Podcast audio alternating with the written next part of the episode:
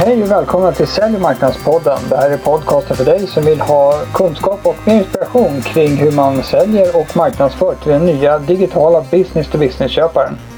Jag heter Anders Hermansson och idag har vi ett härligt spännande avsnitt igen. Vi ska köra vidare på det engelska spåret för jag kommer att intervjua en gammal kollega och kompis till mig, Mark Emond, som eh, driver en marknadsföringsbyrå i Kanada. Han eh, har kunder både i Kanada och även i USA som ni kommer att få höra. Vi kommer att prata en hel del om trenderna kring content marketing och marknadsföring inom business to business. Hur eh, saker och ting skiljer sig mellan Sverige och Kanada och USA. Det blir en intressant diskussion om eh, en hel del ämnen inom content marketing och lead generation. Så håll till godo och över till intervjun med Mark Emond. So, hey, Mark Emond, welcome to Sally Marknadspodden. Nice to have you here. Thanks, Anders. Great to uh, great to be with you, old old friends and colleagues uh, back in uh, our younger years at Cognos and IBM, and it's great to be joining you. Yeah, exactly. Yeah, we've been uh, many years ago. We, we worked together in in Cognos. So you were you were the corporate guy, and, and I was local in Sweden and and uh, part well actually Norway and maybe Denmark as well for some while but you right. actually you headed up. What what was your uh, your job function in, in Cognos? Uh, well, I was uh, I led the um, I was a senior leader in our global demand center, and then I moved over and um, was director of North American marketing. And then when IBM bought us, we led the IBM Smarter Analytics marketing um, organization for North America. So. Uh, got a got a sense for both uh, a global role yeah. um, for a few years in that, and then then a regional role in North America. So I, I walked in in your shoes. you know how it is exactly. with all the nice ideas that come from corporate. Yeah, exactly.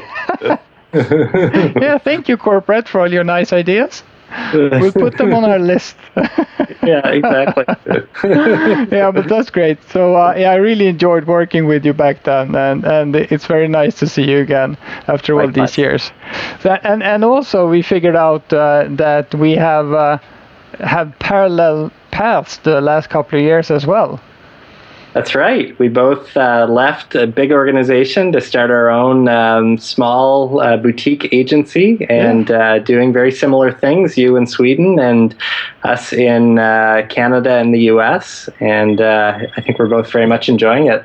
Yeah, exactly. So that that's great. So so I know that, that your firm is called Demand Spring. Can you uh, tell us a bit about about your company? Yeah, absolutely. So we, at our essence, we help marketing organizations uh, transform their ability to create uh, and progress pipeline. So as you know, um, marketing really used to be about building brand, and you know now very much with uh, executives demanding that marketing contribute more to pipeline and revenue. They're they're really about building demand, mm. and uh, technology is really enabling that. So that's what we're focused on. We um, we do three things for our clients: strategy, content, and technology. So on the strategy side, we do um, uh, things like buyer buyer journey analysis, sales and marketing alignment, uh, demand um, demand uh, generation planning, demand system audits. We've got a team of content marketers that do content uh, strategies, content audits, and content development. Mm. And we have a team of marketing technologists that uh, we do a lot of Marketo implementations and a lot of the uh, applications, Martech applications that are in the, the Marketo ecosystem from Reachforce in database management to Vidyard for video marketing and Influitive for customer advocacy um, to um, SnapApp for interactive top of the funnel um, engagement, um, just to, to name a few examples. Mm. So so uh, so uh, you go do you go in for a, like a, a temporary engagement where where it, it's like a, a, change project for the customers to get them on the right track, or is are you there for the long haul, or? Yeah, great question. Oftentimes it will start on a, you know, it will start on a very focused project in a client, and uh, that could, you know, be in any one of the the three areas that uh, I just referenced. Mm. Um, oftentimes the relationship expands, though. We get in there, um, you know, as you know, all organiz- all marketing organizations are on a journey. Yeah. Of transformation, and the journey is a relatively long one for most organizations. They, there's uh, you know never a uh, never an end line uh, seemingly in sight. So you know we we go in. They tend to be satisfied with the work we're doing, which is great, and uh, we continue working for and expanding the relationship uh, with them. Tell us about um, the, the typical customer that you have. Yeah, we we've been fortunate having worked for you know some relatively large organizations. Obviously, you know IBM, obviously very large. Mm. Cognos was you know about a billion dollar organization with a lot of good contacts from both of those organizations spread out, you know, in various organizations now. Um, we've been fortunate to, to do some work in some pretty large clients, um, Staples, Canon, Four Seasons Hotels and Resorts, Akamai, Schneider Electric, Adobe, VMware, and others. Uh, it's pretty much all B2B. Yeah. Um, we do work with some smaller clients as well. So, you know, we've got some small startups that we're helping to get off the ground and ah, uh, support with strategy, content, and some, you know, some foundational technology, um, right up to many of the large organizations that I mentioned. Mm. How mature are they in, in, terms of content marketing? How do you, how do they look at it? How, how far have they come on the journey to be these, uh, you know, the Red Bulls of, of to be a content producing organization? Great question. I would say no organization is that we've worked with is satisfied with where they're at right now. Um, I think uh, you know many are nicely building out a vision for where they want to get to with content marketing. You know, they realize that um, the buyer journey has changed. Mm. That uh, buyers today interact with marketing content and channels significantly throughout their buyer journey. So marketing is a face of of sales. Um, throughout a lot of the buyer journey, and they've got to you know develop content that um, hits their key personas across key industries at different stages in the buyer journey, and you know the the vision is there it's you know often aligned and we come in and help them with that vision and you know where where i find many organizations are lagging is just you know creating the content that satisfies the breadth of personas and buying stages that exist. And um, you know, there's a lot of technologies like marketing automation, social media, obviously inbound channels that really um, need a lot of content. Mm. Uh, you know, things like processes like lead nurturing, you know, doing some pretty extensive lead nurturing for clients throughout their buyer journey um, are really, um, uh, you know, really fashionable in North America. Yet there's a lot of content gaps um, that uh, you know need to be need to be filled prior to really launching an extensive nurture campaign. So. Mm. I'd say in North America, the vision has definitely come a long way in the last two years, and now it's um, you know for a lot of organizations, it's about building that content library across the different stages in the journey. Hmm.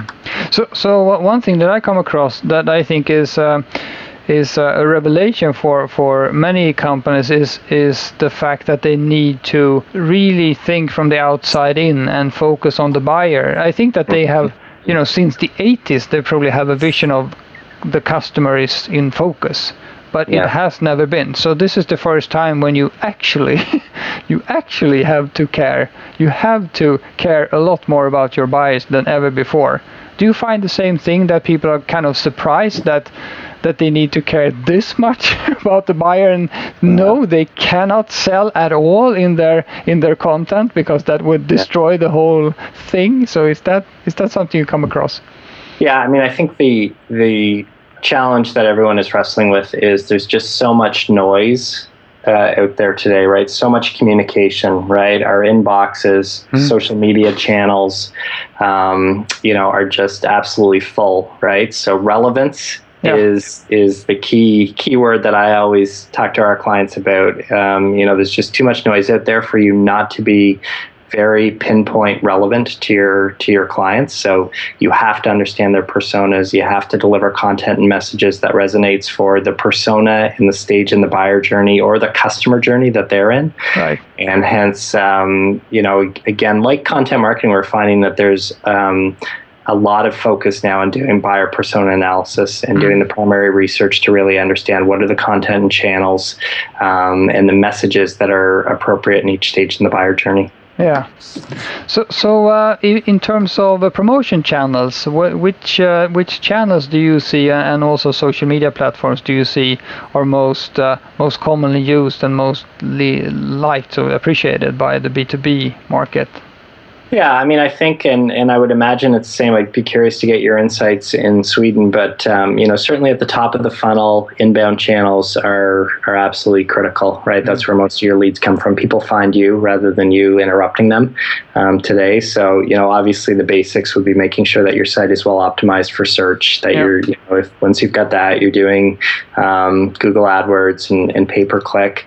Um, you know, paid media ad ad tech um, is really helping to drive more relevance. You know, doing um, for both anonymous and known, uh, you know, visitors to you know your website or third party sites delivering dynamic relevant content based on IP address or um, known lead um, demographics, firmographics, or behaviors. You know, delivering very relevant messages and content mm. based on, uh, as I said, based on you know IP address or to anonymous visitors, or based on uh, um, known lead field values are, are, things that people are really um, starting to invest in mm. and get you know very much uh, much more um, uh, relevant and targeted with with technology to engage and drive drive engagement through channels terms of social media in North America for B2B, um, you know, LinkedIn obviously continues to be a, a primary channel.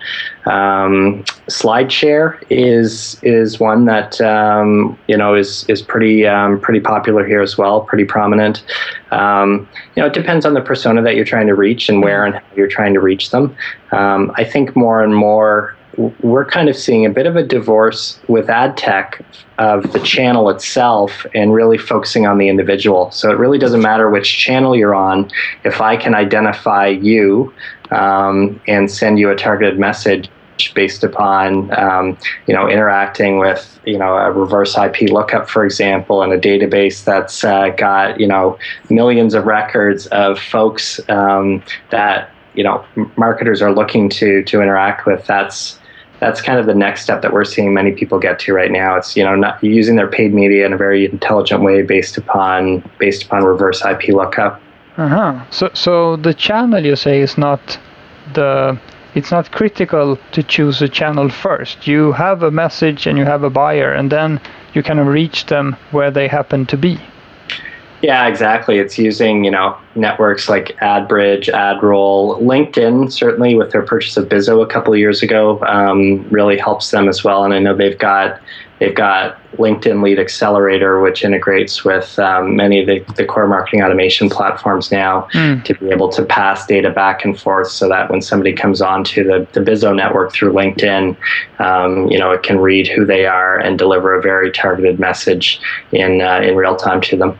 Mm, yeah, it's very sophisticated nowadays. Mm-hmm. I, I, was thinking another thing that that uh, I uh, always say that there there uh, tend to be a gap, a small gap between uh, sales and marketing, and I, I used to illustrate that with a picture of the Grand Canyon. mm-hmm. Yeah. Uh, so aligning sales and marketing is it's a it's a, an old and and dear theme to us, I guess. So how would you say that that is going in in North America?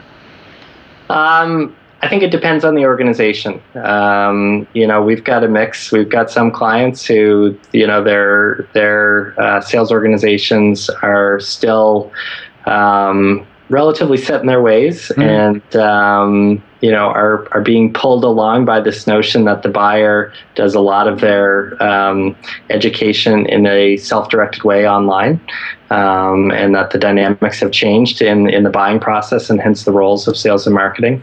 Um, you know, and then in other more progressive organizations, we see the alignment happening, um, you know, at a better pace.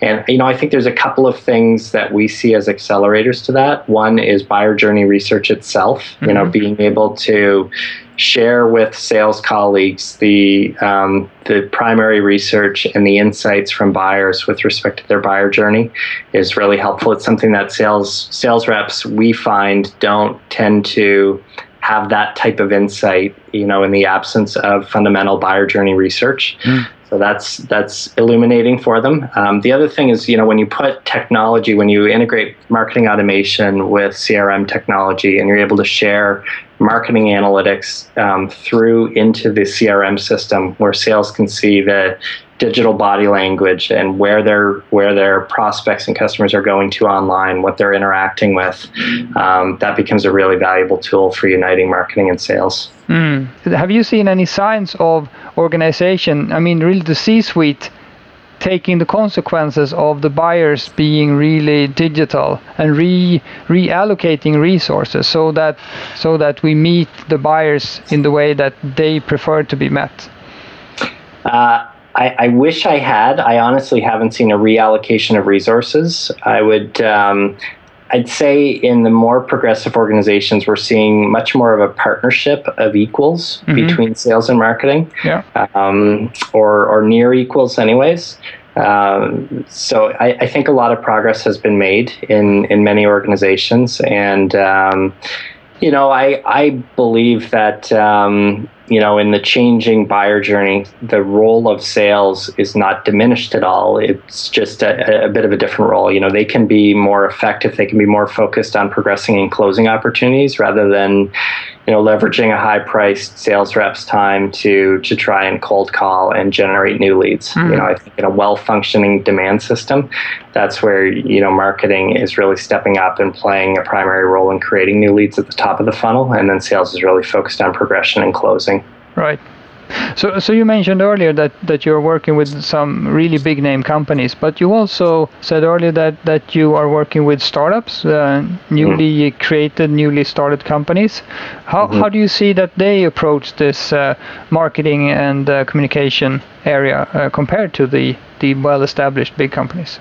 Yeah, I mean, I imagine, and I, would be curious to get your thoughts on on the same question in Sweden. I think startup companies don't have the legacy of processes and behaviors uh, and infrastructure. Um, you know, nor do they have the luxury of budgets either that uh, right. larger companies have. Right, so they've got to be they've got to be more automated. They've got to be more digital. They've got to be more agile. And um, you know, those who um, uh, those who are uh, who are small but um, you know backed by either some some good uh, private financing mm-hmm. or you know experiencing strong growth are really investing in the burgeoning marketing technology and ad technology ecosystem and are able to do pretty progressive things with uh, you know in, in automating and driving engagement throughout the funnel with technology. Mm, yeah so I think that uh, that is true for, for startups here in Sweden as well. So they are, I mean, people that that start, um, you know, the, the typical tech startup, and mm-hmm. that go for some kind of um, subscription-based uh, revenue, and they have come as far as they know that their marketing and sales process needs to be digital. But but uh, I think that not all of them have come to the right conclusion in terms of timing because yeah. they focus on their product and product development uh, too much for too long time before they start to market and sell. So mm-hmm. I think that uh, there is still some way to go in terms of, of insight into how you should, as early as you can, build an audience and build a following, and then see to it that you complete your product offering. Uh, so that's that is something that hasn't really come through. I think that people are in, here in Sweden are kind of aware, but we are uh, a year or two after, for instance, Silicon Valley startups. Mm. You know, you can read Guy Kawasaki's uh, The Art of Startup 2.0 and those kind of uh, of books. Uh, and I don't think a lot of people in Sweden actually uh, act that way yet. So that's an interesting insight, and I would parallel that. I'm uh, I'm based in Canada, as you know. Yeah. We do a lot of our business in the U.S., and I would say the Canadian market is quite similar to what you just described in the Swedish market. That mm. uh, um, younger organizations tend to be more product centric and technology centric in um, in Canada, whereas in the U.S. they tend to be more market centric. Ah, um, okay. Got, uh, you know, there's a much more aggressive growth mindset in the U.S. than in Canada, and uh, there's much more aggressive venture capital financing as well that's demanding growth. So they right. need to they need to have you know more of a market focus and drive traction and revenue um, fast. You know, unless they're planning an exit purely based on technology capabilities, which mm. you know not too many organizations that we come across are. Um, so I- interesting parallels in terms of geography and some of the differences, um, similarities between Canada Canada and Sweden, and then differences with the U.S. Yeah, I think that. Yeah, actually, I think we've come to the conclusion before many years ago that the Sweden and Canada, Swedes and Canadians are are very much alike. Nice people. So so uh, and and and a bit not not as as edgy as as the U.S. people tend to be and and we both enjoy hockey a lot. Exactly, exactly. Cold weather and hockey. There are probably more similarities than differences between Sweden and and uh, and Canada when it comes to maturity around around marketing and content marketing. That's interesting. I was you mentioned. Um, uh, video marketing as something as something specific. Can you tell me a bit about what you do in that area and, and what the trends are, so to speak? Yeah, video marketing is super uh, super popular um, right now and becoming more and more um, uh, more and more used by marketing organizations. There's some stats that show that um, uh, 24% of uh, B2B buyers engage in more than 30 minutes of video content um, along their purchase journey, and 48% engage in more than 60%. And 74% of marketers believe that video marketing um, drives the best conversion of any type of uh, content um, type. So, huh. you know, we know people are becoming more and more conditioned to visual. Obviously, people for, for decades have enjoyed watching TV yeah. and uh, other visual mediums. We know YouTube obviously is hugely popular. And, um, you know, with bandwidth, um, obviously bandwidth availability today, video marketing is, is um, something that is easily achievable achievable. And um, you know, it's it's a great way throughout the buyer journey in different forms to engage people. You know, mm. at the hmm. top of the buyer journey, these very short, one minute, one and a half minute, you know, we call them explainer videos. They could be animated videos, whiteboard videos, you know, even live action are great to to grab somebody, engage them, and compel them to learn more and really reflect a business problem that you solve. You don't want to be product oriented. You know, but then you can go right into, you know, in the middle of your buyer journey, you can do a very detailed, you know, product demonstration, technical integration and you know towards the end of the buyer journey as well you can you can engage people with customer testimonials roi uh, case studies through video. And you know for customers it, video is a great way to to teach and um, uh, you know engage people in uh, in learning about you know your products or services so we really see video as being hugely popular. There's some great platforms. Um, we're a partner with a company called Vidyard, which is another Canadian company that enables the tracking of video viewership and the attribution of video viewers, and then feeds that into marketing automation, lead scoring, and lead nurture streams. Um, so there's really great integration of you know who's watching my video, how much have they, how long have they watched, and um, you know kicking off custom nurture streams based upon their engagement in video. So we we see it as a trend that is really, really growing. Uh huh. Interesting. So, so uh, you said, is it most common that you do animated videos and maybe product demonstration rather than having people in front of the camera?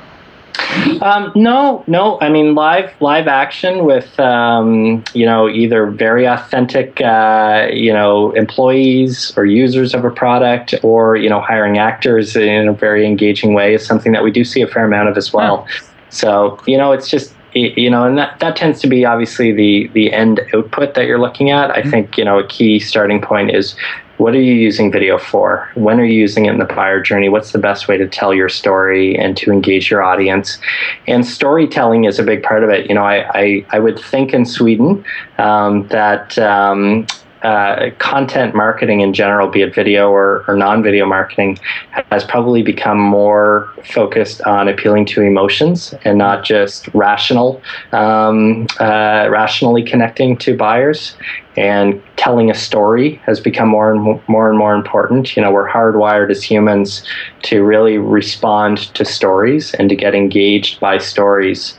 So, are you seeing that, Anders, in, in Sweden as well? That storytelling and emotional content marketing um, is um, more and more prevalent? No, not yet. I would say. Okay. I think that we are still uh, betting on on this um, fact-based buyer that really evaluates the products and, and do Okay. that kind of choice, which is not true. I mean, we all buy with our with our feelings and emotions. So I Yeah. think that is something, sorry, that will mature pretty quickly, and we we need to get more into. Um, you know, it's it's um, uh, content marketing in combination with some kind of experience, which demands that you need to have some emotion ingredients in there. Otherwise, there will not be an experience.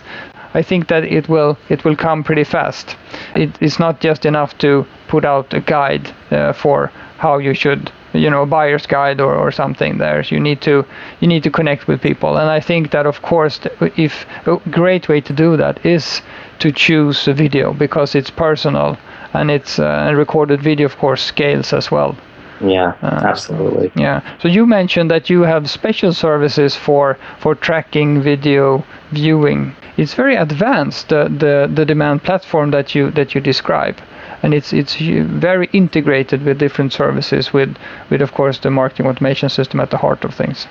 Correct. Yeah. Yes. The the Vidyard platform is um, is a pretty neat platform. They they actually held a um, video marketing conference in San Francisco two weeks ago that we sponsored called Space Camp, Mhm. and um, they had about 400 video marketers in attendance from across North America.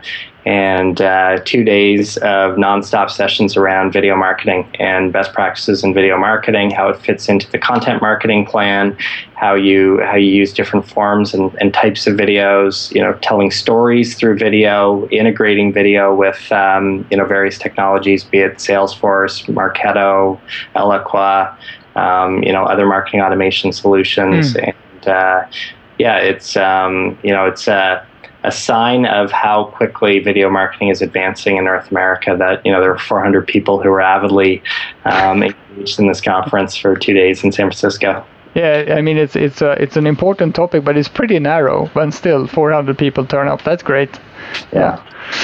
Okay, Mark. Uh, I think that we've gone through some pretty interesting topics around the content marketing. Maybe we can we can do this uh, sometime again and see if we can uh, have a more structured uh, structured way of, of tracking the, the similarities and and differences between uh, Sweden and North America when it comes to marketing. What do you say?